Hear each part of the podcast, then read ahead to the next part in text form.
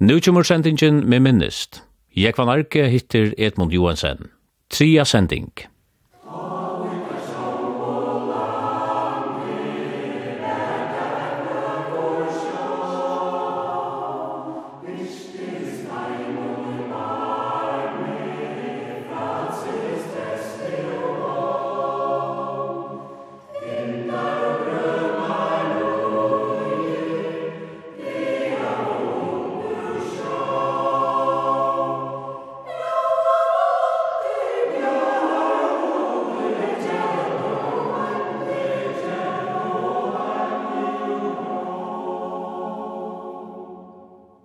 resten dømt vel å skåde fokl.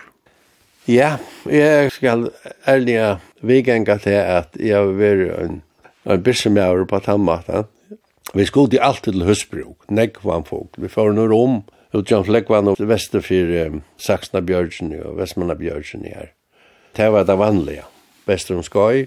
Og det var sånn nekvann fugler i rasjonen her, at man fikk nesten sånn nekvann man vildi, altså. Det var um, ørgrunne av fugler. Særlig var det langvi, men nek var alt gais. Og jeg minnes særlig at vi tvær, Mario Stepes og jeg bai, vi en femman affære. Vi skuldi i tvoir dagar, bare vi en vanligare dublett. Vi skuldi 825 funklar. Ta skuldi vi bare så snar at det var best økonomier ute. Vi skuldi bare det som var sikkert a få. Så nek var fuklo vart. Man sa fukl alla stedene. Men ta var lov å skjøta, men fugleren var i bjørgen. Men det her var altså utfra, at fugleren var alle stedene. Og da han hoksa omtak hos nekver fugleren var ta. Det var en ørgrin av fugl. Og bergene var kvit av fugl. Det var nok var jo i trusjen og fyrst trusjen alltid. Og to først omkring til Orstadverk? Ja, ja, jeg pleier sjøt om vetrene. Nå er det Paul og Mor Paulsen er bare som pleier. Han er samme alder som jeg, er sindre eldre vi bare ble affæra bæg i norr etter og sår etter, og sjøta nekra foklar. Nå er det bare til husbruk nekra foklar. Onkte få av ut. Anna 15 fuglar, onkte få av ut, finnes fjøret det jo. Onkte få av ut, finnes nekra forsbæg. Det var norran fyr. Det var lengt ute til havs. Men nå er det bare lov å sjøta, men jeg visste at hun vet det. Men ta er langvinnar og alt kunnar gauar at fyr. Det er rettelig spennende. Men vi ble også nye fiska.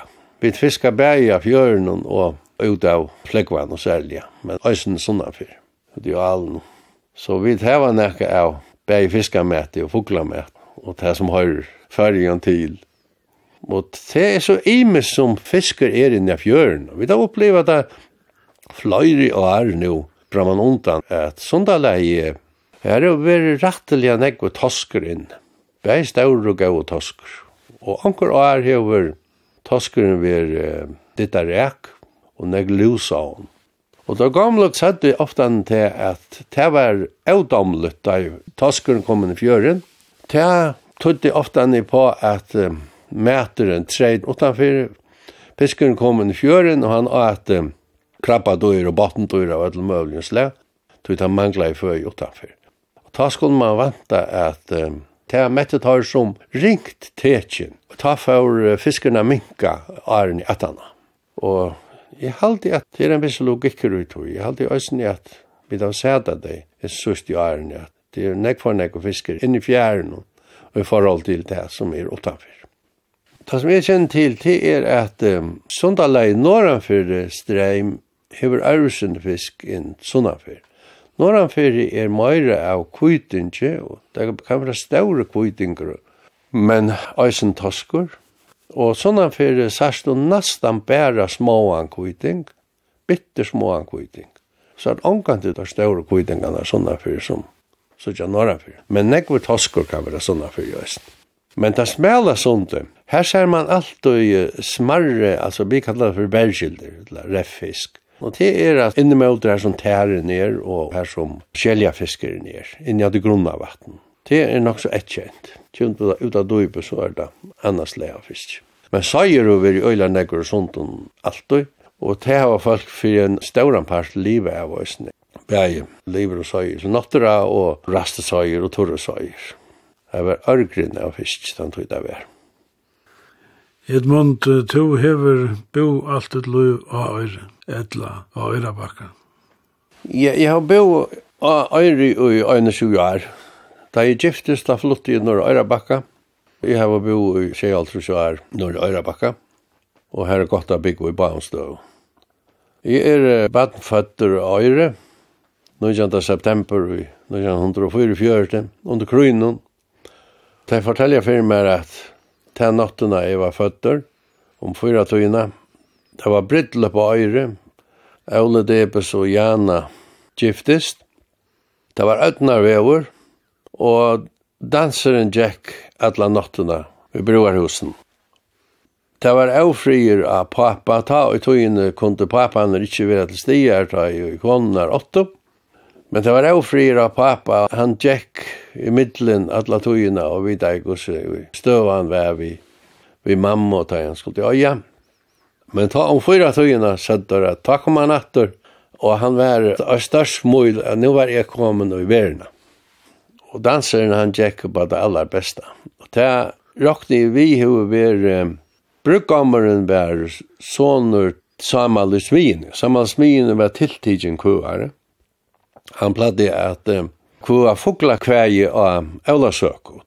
Som tar fortalte, så var det faste kuar Eulasøku, og Samal Smine som var ombådsmoen, han kipa i fugla kvægi.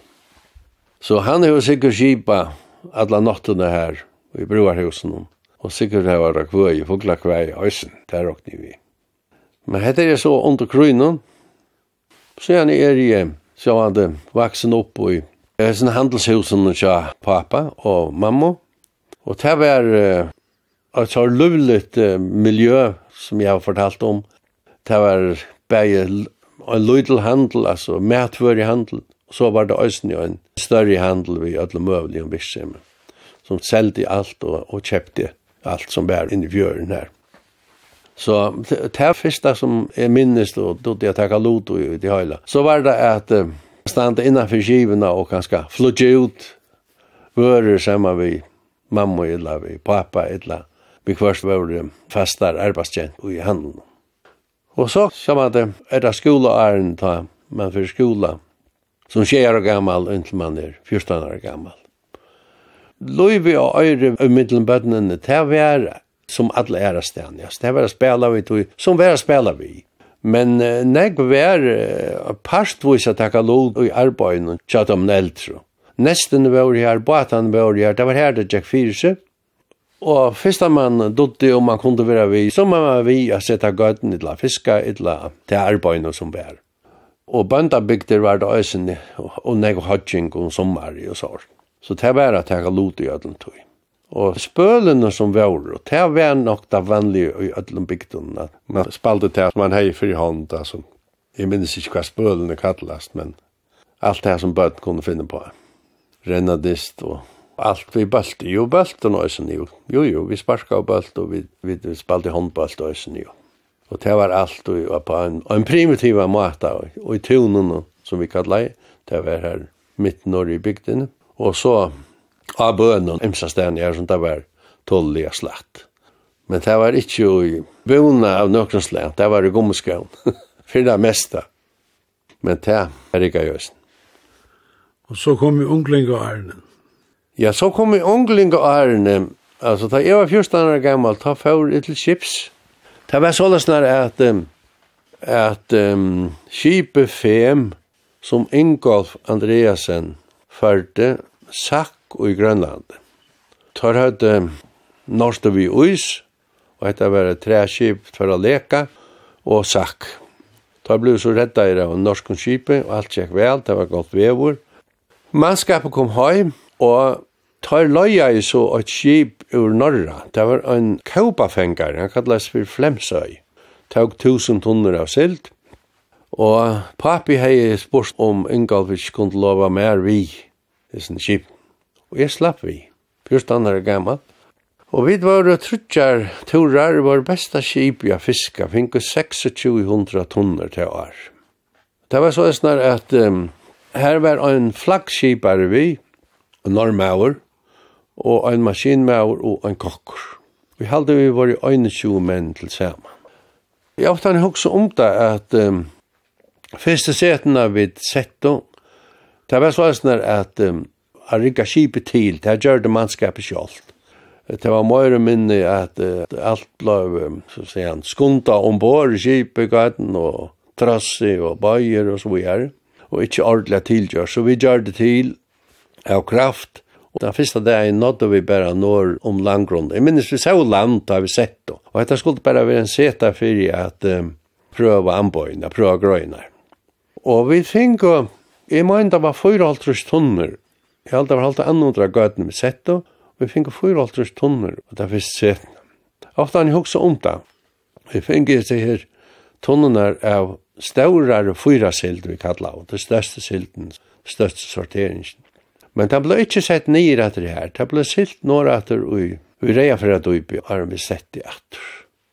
Og så har vi tarst nu at fiskefrøyngane sier at da silden kjemur tvørstur om fra norra og i vitt okkara, så kommer han ofte han i her sår, sår med banken og langgrunnen og fyr vestrett. Så det er en spedla vi setter nere at da, har vi ofte også om at han har at den stora silt. Vi var bortre en høyla måned, arvet at det finnes jo på i tomtnar. Vi måtte enda inn i Osland at kjeba olje i Røverhavn, Røverhøften. Så jeg var trutja turar, vi skipen, noen, det var som min mine første turer til Kips. Og man kan si at jeg gjør en lenge sove og stutta, så har vi jo vært nek i handelsvinnene her til pappa, eller tøymon, og nekka til Kips, og gjør noe nok så nek var. Da jeg så har jeg kommet sin langkår, jeg var øsne vi Kipen den Alberst i Grønland i en tur. Vi var trutcher av øyre, som var vi. Det var sånn at uh, Dallen Daniel Johansen, han bor i Vaje, han var eh, nok sista bad med pappa alltid. Pappi hans er og, og, og Abbi har vært bodger. Han var kipar, og tar var avføre kipar. Vi kjenner at Toska Johan Peter og, og Maurus til Johan Peter. Og dette er så, Dallen som vi kallar, som var kipar. Alle var avføre rockskipar. Vi fiska og fyrst vi um, Luino, mest var det Adana Bank, som det ble kallet ta. Og så satt ni heltene av turen vi snello. Og vi finge en 800 kippen. Jeg ja, råkna med kippet var fullt da vi kom i hjemme etter. Så det var en hampelig gau tur. Og så har vi vært vi eh, Imson kippon, så han det tiltekne Axel Vins, har vi òsne vært fiska silt vi. Jeg har også vært en snørestur i Ísland vi henne. Og så har vi vært nekkere avløsere turer vi Byggvann, som Taurater Andreasen var til utdrager i hundefergen. Jeg minns særlig at den øyne turen, det var og veteren, vi fiska av, av Surjabankan, og det var fiska Longo og Brosma. Og hentan turen, så finner vi det oppe i skipet og oppe av dette øyne og mest var det langa og brosma. Og jeg minnes det jeg aldri ser så ståre langer fyr, det var så ståre at det, det var akkurat som var med og kunne klare jeg tekna der inn, altså.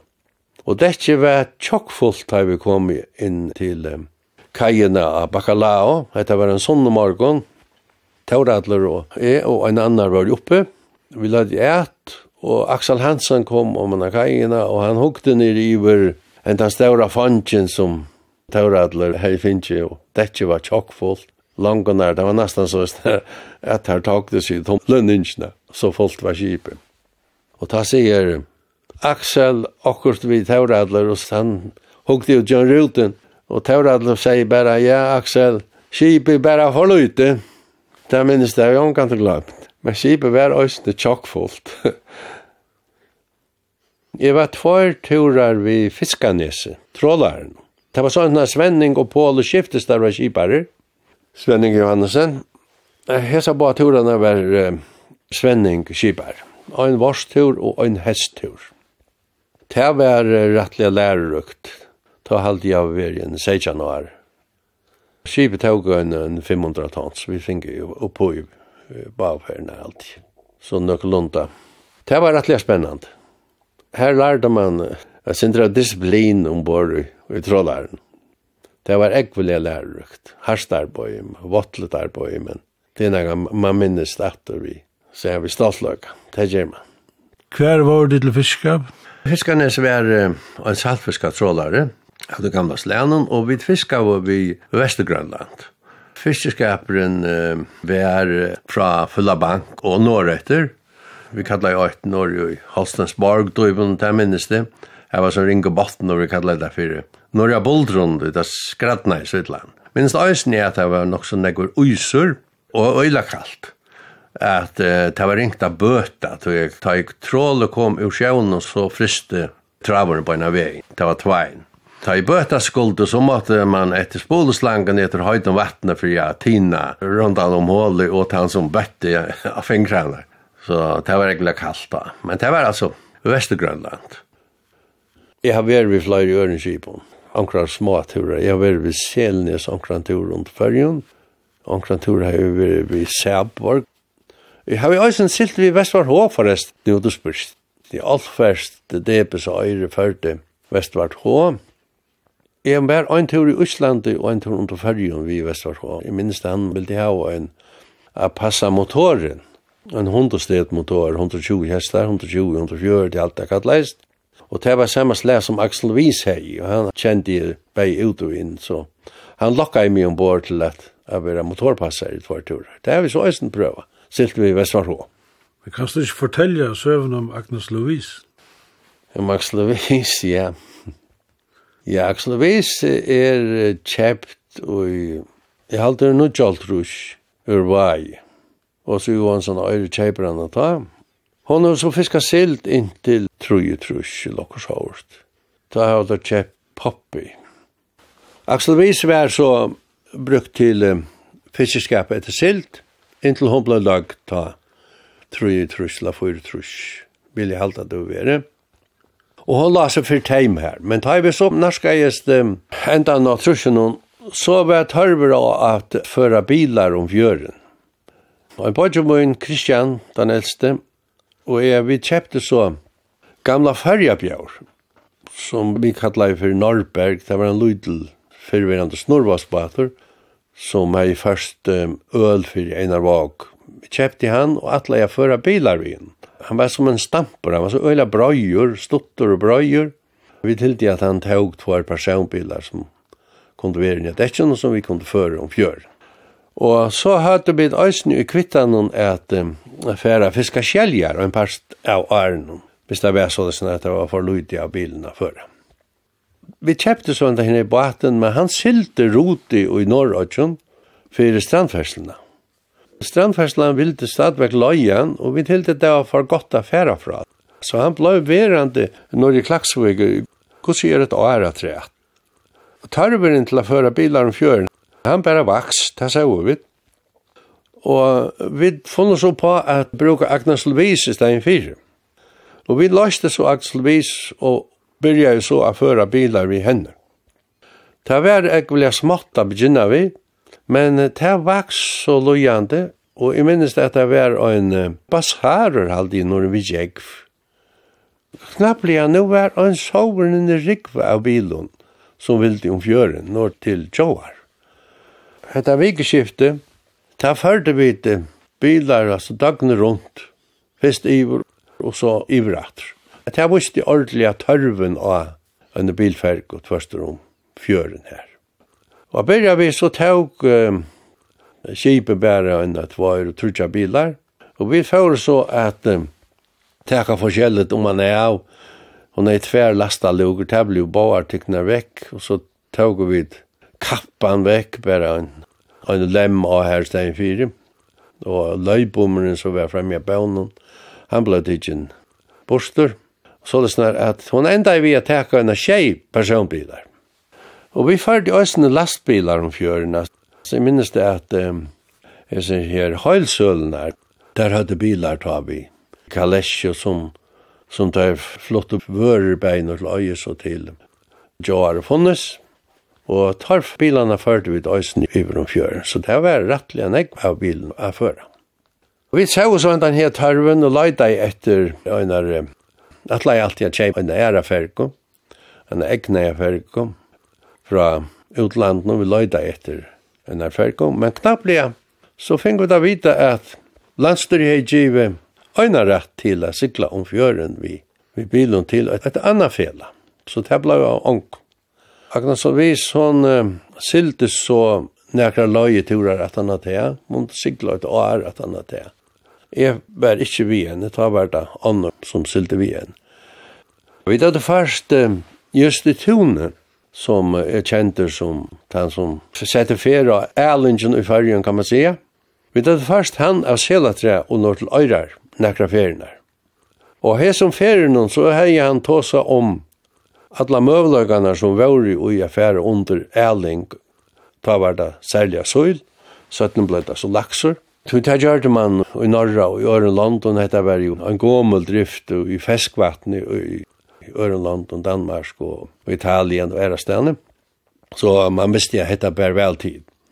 Og han grøyte så fra at førjer lå så vel fire tog at temperaturen i sjøvnen var den ideelle for enda fiske, hestøylene og laksafisk og hele tiden. Sjøvn hadde vi tjau møvlagene og i at um, det som skulle brukast til ælingen, det var for det første at du hei det rette uh, omstøvner, altså i hita og sjøvnen og, og tannparsten, men du skulle eisen hava føje til um, fisken. Og føringa fiska er jo og en rikvi av utnava fiske som ble gjørt til mjøl og løyse og, og så videre. Så vi hadde allar fire treidene fyrir affæra under ærling. Så bara etter at stua sjálva ærlingsna. Og det var jo så nytt at um, Anje visste hvordan gjera skuld. Men han er så veri i Norra i halde i samband vi at han hadde byggt skip i Norra og se hvordan i og en som han kallar det fyrir Åsland hei rikka seg til. Han hei gjort innhegningar av sjøvnen og hei så fiskanar fyrst og i feskvatten ilta vörna og staurer, det var særlig elabasøyl, og så gjerne hei han settar ui seg her byrgingarnar og fødde dei så opp vi fiskaavfallet til Stauranfisk. Og dette var modelleren tja just, og han nu skulle han finna ei plass til at, at gjere seg byrgingarnar. Ta var så sånn, jeg ble biten av sånn og gjere, så jeg tog meg av just, just kom a byggva tja okkon, og var til hus her, sånn hans her, Andreas var vi. Jeg var så vidt til at um, gjere der fyrste byrgingarnar her. Og det var så løsner at han løya i ormen, som var en sandbater og fuklafer, til å slå av pelar nyer i, i havbaten her. Og så gjerne var en brygg gjørt ut, så løsner at hon tog uh, låatene og pelene, og innhegningene var så når han for, jeg sier, brunna. Og atter langer når var så et nes ut som luvde vel for i høatene. Og her ble så net spent i middelnissa pelarna så det snar at søylene ikke slopp ut. Og så gjerne ble søylene släppt ut, de ble ført når vi er sånn her baten som jeg tog seg om og gjerne vi kjøpte til å føre biler vi, vi Norrberg, gamle førja bjør, og det var bare vi, vi hadde nekkrar motorpumper som pumpa av kjekv, og skotta av og så dekje opp sånn at søylene kunne være ui her, og, og komme livende fram. Vi tar ankra myndir av det, vi ankra bæg, de første turene her. Og sattnes liv uh, søylfart vi Jens Christian Svabo, det ble et slags samstarv i havstovna som døyde nå, taket det er fiskerannsaknarstovan. Andreas Reinhardt og Jakob Sverre Johansen var viktige personer og i Erlingsen, i tog at det var tøyre som saude vi, vi ekspertisen, Andreas er jo vere, og Larsi, Erling og Jylland og Erastan. Men hetta var så byrjanen til det. Jeg var så hjalte just um, det første tøyene, eller alle tøyene kan man säga. Det var jo ikke for fortjenestene skilt, fortjenestene var ikke, men det var bare av åa. Hetta var en nødt drift som um, skulle fast å bære til, og det skulle finnes på mengt. Ta. Og eisene for meg var det samtidig som vi skulle byrja på skjelarbeid, la fiska sjel og vidgjera sjel, Jakob skjeljar. Så jeg kan teka tannparsten uh, nu eisene. Og så Johansson hei så kjept uh, Poppy uh, fra Kjølbro, ta i Akoslovis blå løgt. Og Poppy hei så fiska silt om sommare, og fyrde sand den øyna vetren. Og hetta er nok i 1906 trus at silden heldur pæt. Den sørste turen, jeg var vi, Poppi, den sørste turen, ta er vi halvt når vi kommer Og vi hadde bare fyra seter den turen, og vi finke oppå i kip. Her var nekk sild. Jeg minns det var så lengt å sigla, og alle beholdninger var så lydel at vi kom i attor. Vi hadde bare fyra seter, men vi hadde haft nekk av av sild inn attor. At den sørste oljan var i forbestangene da vi kom til øyre. Så vi hadde ikke klart å sette et rett. Men vi hadde fullt skip. Men uh, hadde her skipet, ta inn og silta fiskskapen var helt noe pæt, ble så tidlig til at vi skulle røyne om det kunne fiske skjeljer rundt fergen. Det som vi hadde hevet det ui, Det var at vi visste at hettlendingar fiskar av skjel, og vi visste at skåtar fiskar av skjel, og vi visste at skjel var under fergen. Og så hadde vi et egglagt disse her løgnebåtene som ofte andre løy ved kajen og øyre, at det var nekva skjeljar under spelen og tjata om her som du hadde dri inn, og ut stampen som ofte andre var i ekningaskolen. Jeg minner særlig at um, en maur av Morskranese, som pleide å kjøpe olje fra åkken, Vi spurte han da han var etter olje. Hver han har sett disse her stampene, tror jeg at det var nek skjeljar i baten. Jo, han har vært utfyrir Rydvig. Det var Sigvald i Morskannes. Han er vært utfyrir Rydvig, og det var her han er sett blindna. Da vi fører vi pappi, rikka gjerne til, vi fingi et, et dregg fra havstålen som tar hadde brukt til at så dredja vi av bottene. Vi gjør det en nylonpåse og et her dredje, og så brukte vi bare bommen og spæle som vi hadde brukt til til Anna, altså til å grabba sand vi og så videre, til uh, Ahiva vi. Og vi tog av oss så ut for Rydevik, og finge faktisk fullt regg for jeg fer av, av kjeljen. Det er utrolig som vi var i heldig.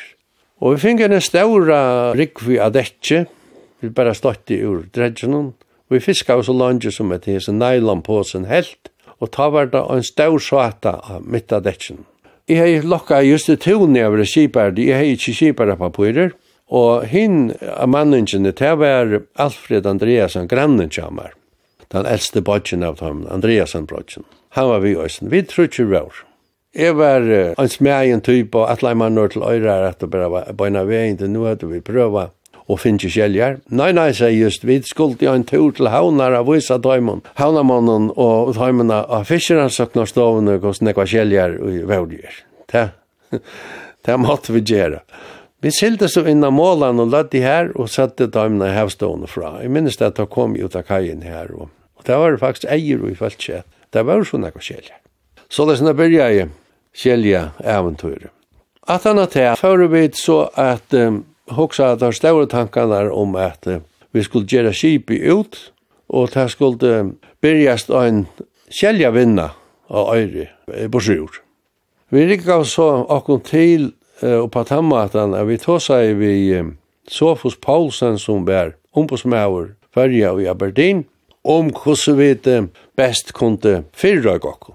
Det som kom på seg over var til at vi skulle sikla nye til um, Hetland, til um, Skalloway, og her skulle vi få et verst av rigga baten til. Og så skulle vi få um, fiskeanbøyene ur Vestskottlandet fra en, en plass som la rettelig sunnanlig her av vestkusten. Og vi får så fyra vi kipen og nye til Skalvei. Kristian Sissnabadne, Kristian Johansen, var kipare, og svaveren kommer Eli Johansen var den som passet i motoren. Og jeg skulle være vi som, som sjef, og så hadde vi et finne en kvalitetsmann fra Fiskasølen. Han kallet for Benny Jensen, han var danskar. Han skulle syrja fyrir tog parsten som, som skulle syrja fyrir at jeg vil høyden den rette kvaliteten hvis vi nå finner nekka kjell, då han skulle seljas til USA kjell. Vi då toska vi fiskasølene fra en undan og hvordan hun kunne seljas. Og vi fyrir så sted og sylte nye til Skalvei. Hetta lutla verstegi, det var en, en gommel kipasmia. Jeg minnes han kallades fyrir, vi kallades han fyrir Mr. Moore, den gamle her, og så var det en yngre Moore òsne. Og så hadde vi et, finnes et samband vi en, som faktisk arbeidde for havransaknarslovene i Skottland, som bo i Skalvei. Han kalles for Fullersten, Mr. Fullersten kallar vi det. Han um, løybøyndi okkur så vi um, Ja, vi sluppi ut, vi rannsakna skipen at fiska. Kristian og, og Eli uh, fæure så, lærer seg fiskaskjel. Men vi fæure av virkjen jeg sutja kustar arbeid i kjeljen. Så vi det var nekven små av om virkjen her, og det arbeid nek vi hummara, særlig var det bare det svarste hummaren som der høtta, Og så hadde der nekra kjeljar samtidig, men det var ikke der større nøgten her.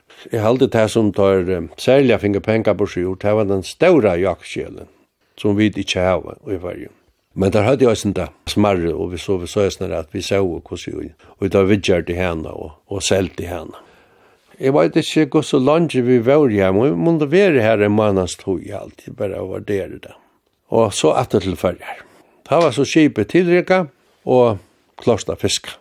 Så gjerne ble färja sted, vi er sånn sån här nutjegröjen og det var ekviliga spennende, om det var nu för jag får några kälja eller ikke.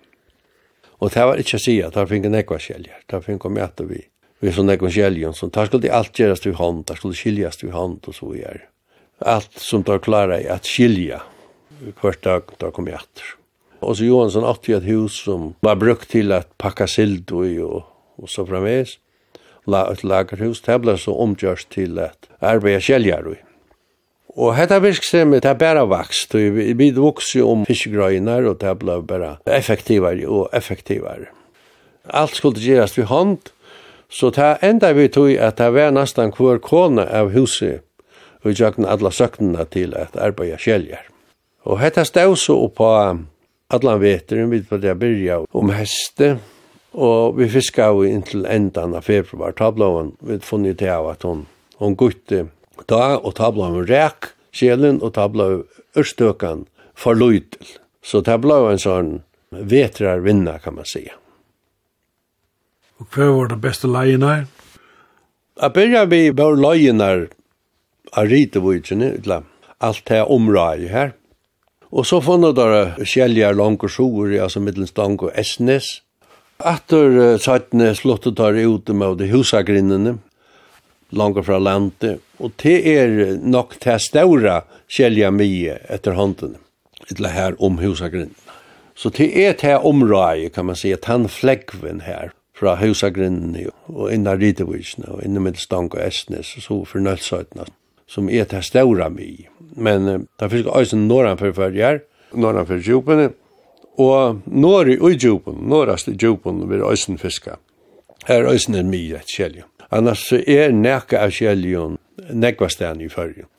Men her er det støyene som hun livet tattast, de støyene som han nå funnet her til. Og hvordan bør det til så det kunne få seg vinnerne til å genka? Ja, det var ikke bare som man sier det, tror jeg at um, henne her sjelen, hun lever lukka fra Mialhavn og Nordlførjar og Sinte Norra Norra, og hun er ikke i Øsland kommer til Osland, så har du et annars slag av kjel, det har kallet for harpediskur, og hvis du kommer några holdt norr i loksraver, så skifter det atter til en æra kjel. Så vi ligger av marsjen til at jakerskjelen er her. Og den større jakerskjelen, vi finner onkra hendinga av Taimund. vi visste at det var av fyrjabanka, så vi da var også en prøve her ute etter Taimund, og der er jeg her ute. Så vi ligger av marsjonen til at kjel ikke er i fyrja. Og av det samme er det rettelig småar i fyrja men det er nekvar. Ja, det samme er det kostbarste arbeidet vi hånd. Så vi får beina vi og løyde etter maskinen til, ja, fyra minko om arbeidstøymaner. Ta vi vet, så hadde fiska i nærmast 20 år, 1904, ta går vi da en nytt kjeljavirstju i brug, og ta hadde vi da eisen kjept okken og en hekketrollare, Norheim, som fiskar enn, og fiskar så effektivt at han fiskar i en 55 hans om dagene. Det var blitt stavdrift, hver i maskiner, åpna av kjeljaner og rannsajda i fjern stavran parst. Og så gjør det kvonefølsene, håndarbeid kan man sija, til at gjøre finish, og han da ble fristar. Så nu ble det en mer en sånn stavdrift etter håndene. Kjelja vinnan utvikla seg eisen i på tamatene, byrja vi, ta vid var byrja fiska, at det kom i andre skip av fiska øysene. Norsjøtnan fiskar og lei opp i Kvalvik. Soringar råland fiskar i Øysene og et virke blei av tvørøyre. Ta var smarre båtar som fiska av kjel og avrøyd bergjokken og ærestegn. Og et annet skip som var fra Høsvik fiska i nekva kjel, Silverspray. Så det var nekv skip som fiska av kjel etter håndene, men ta i avtattene så var vi ansumatler vi Norrheim det er vel tog at det er som alt annet, det skulle gjøres rasjonelt og effektivt. Og det blir det også vi en nødgjøn kjellervistje og vi en nødgjøn effektiv og trollere. Tan um, vinnan her så hilde fram, og det har vært fiska til denne det. Det har vært fiska i Nuer, er hos Johansen ferie er her henter, tår i Høsvig, hever åtta flere år, og det har vært fiska i tusenvis av Tonsson og i dem som støvun størst seg som vi vil fiska alla togene. Og vi må så konstatera til at da man hever sin egne trø til å passa, så sier man øysen for jeg stavneren ikke vil nye fiske over. Man gjevs da jo, man heldur at det er nok fiska, og gjevs lov til at det skal være et år at han er. Men hva er opprunnen til at det fagre etter sosialen? Ja, Ja, og ofte hugsa um det. Silden helt og pært, ta har veru drøykraften av øyre, og fjæra silden var blitt vekk. Så ta vær i grunden nødja tøyer.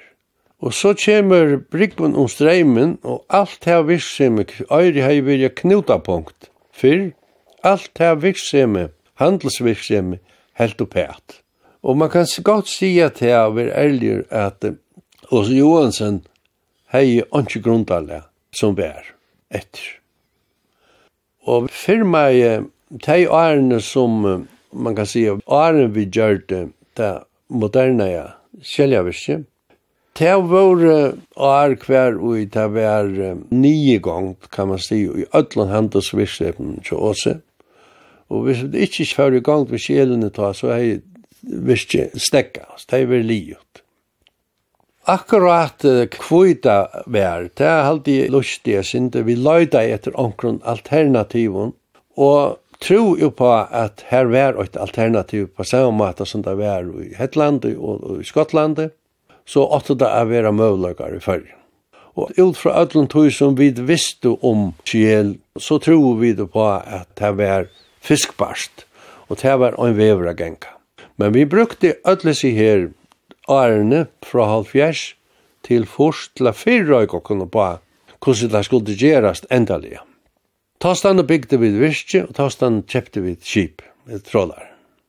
Og det var vel fyrre og det er etnæs vel, det må jeg si. Det er noe hitje at råat.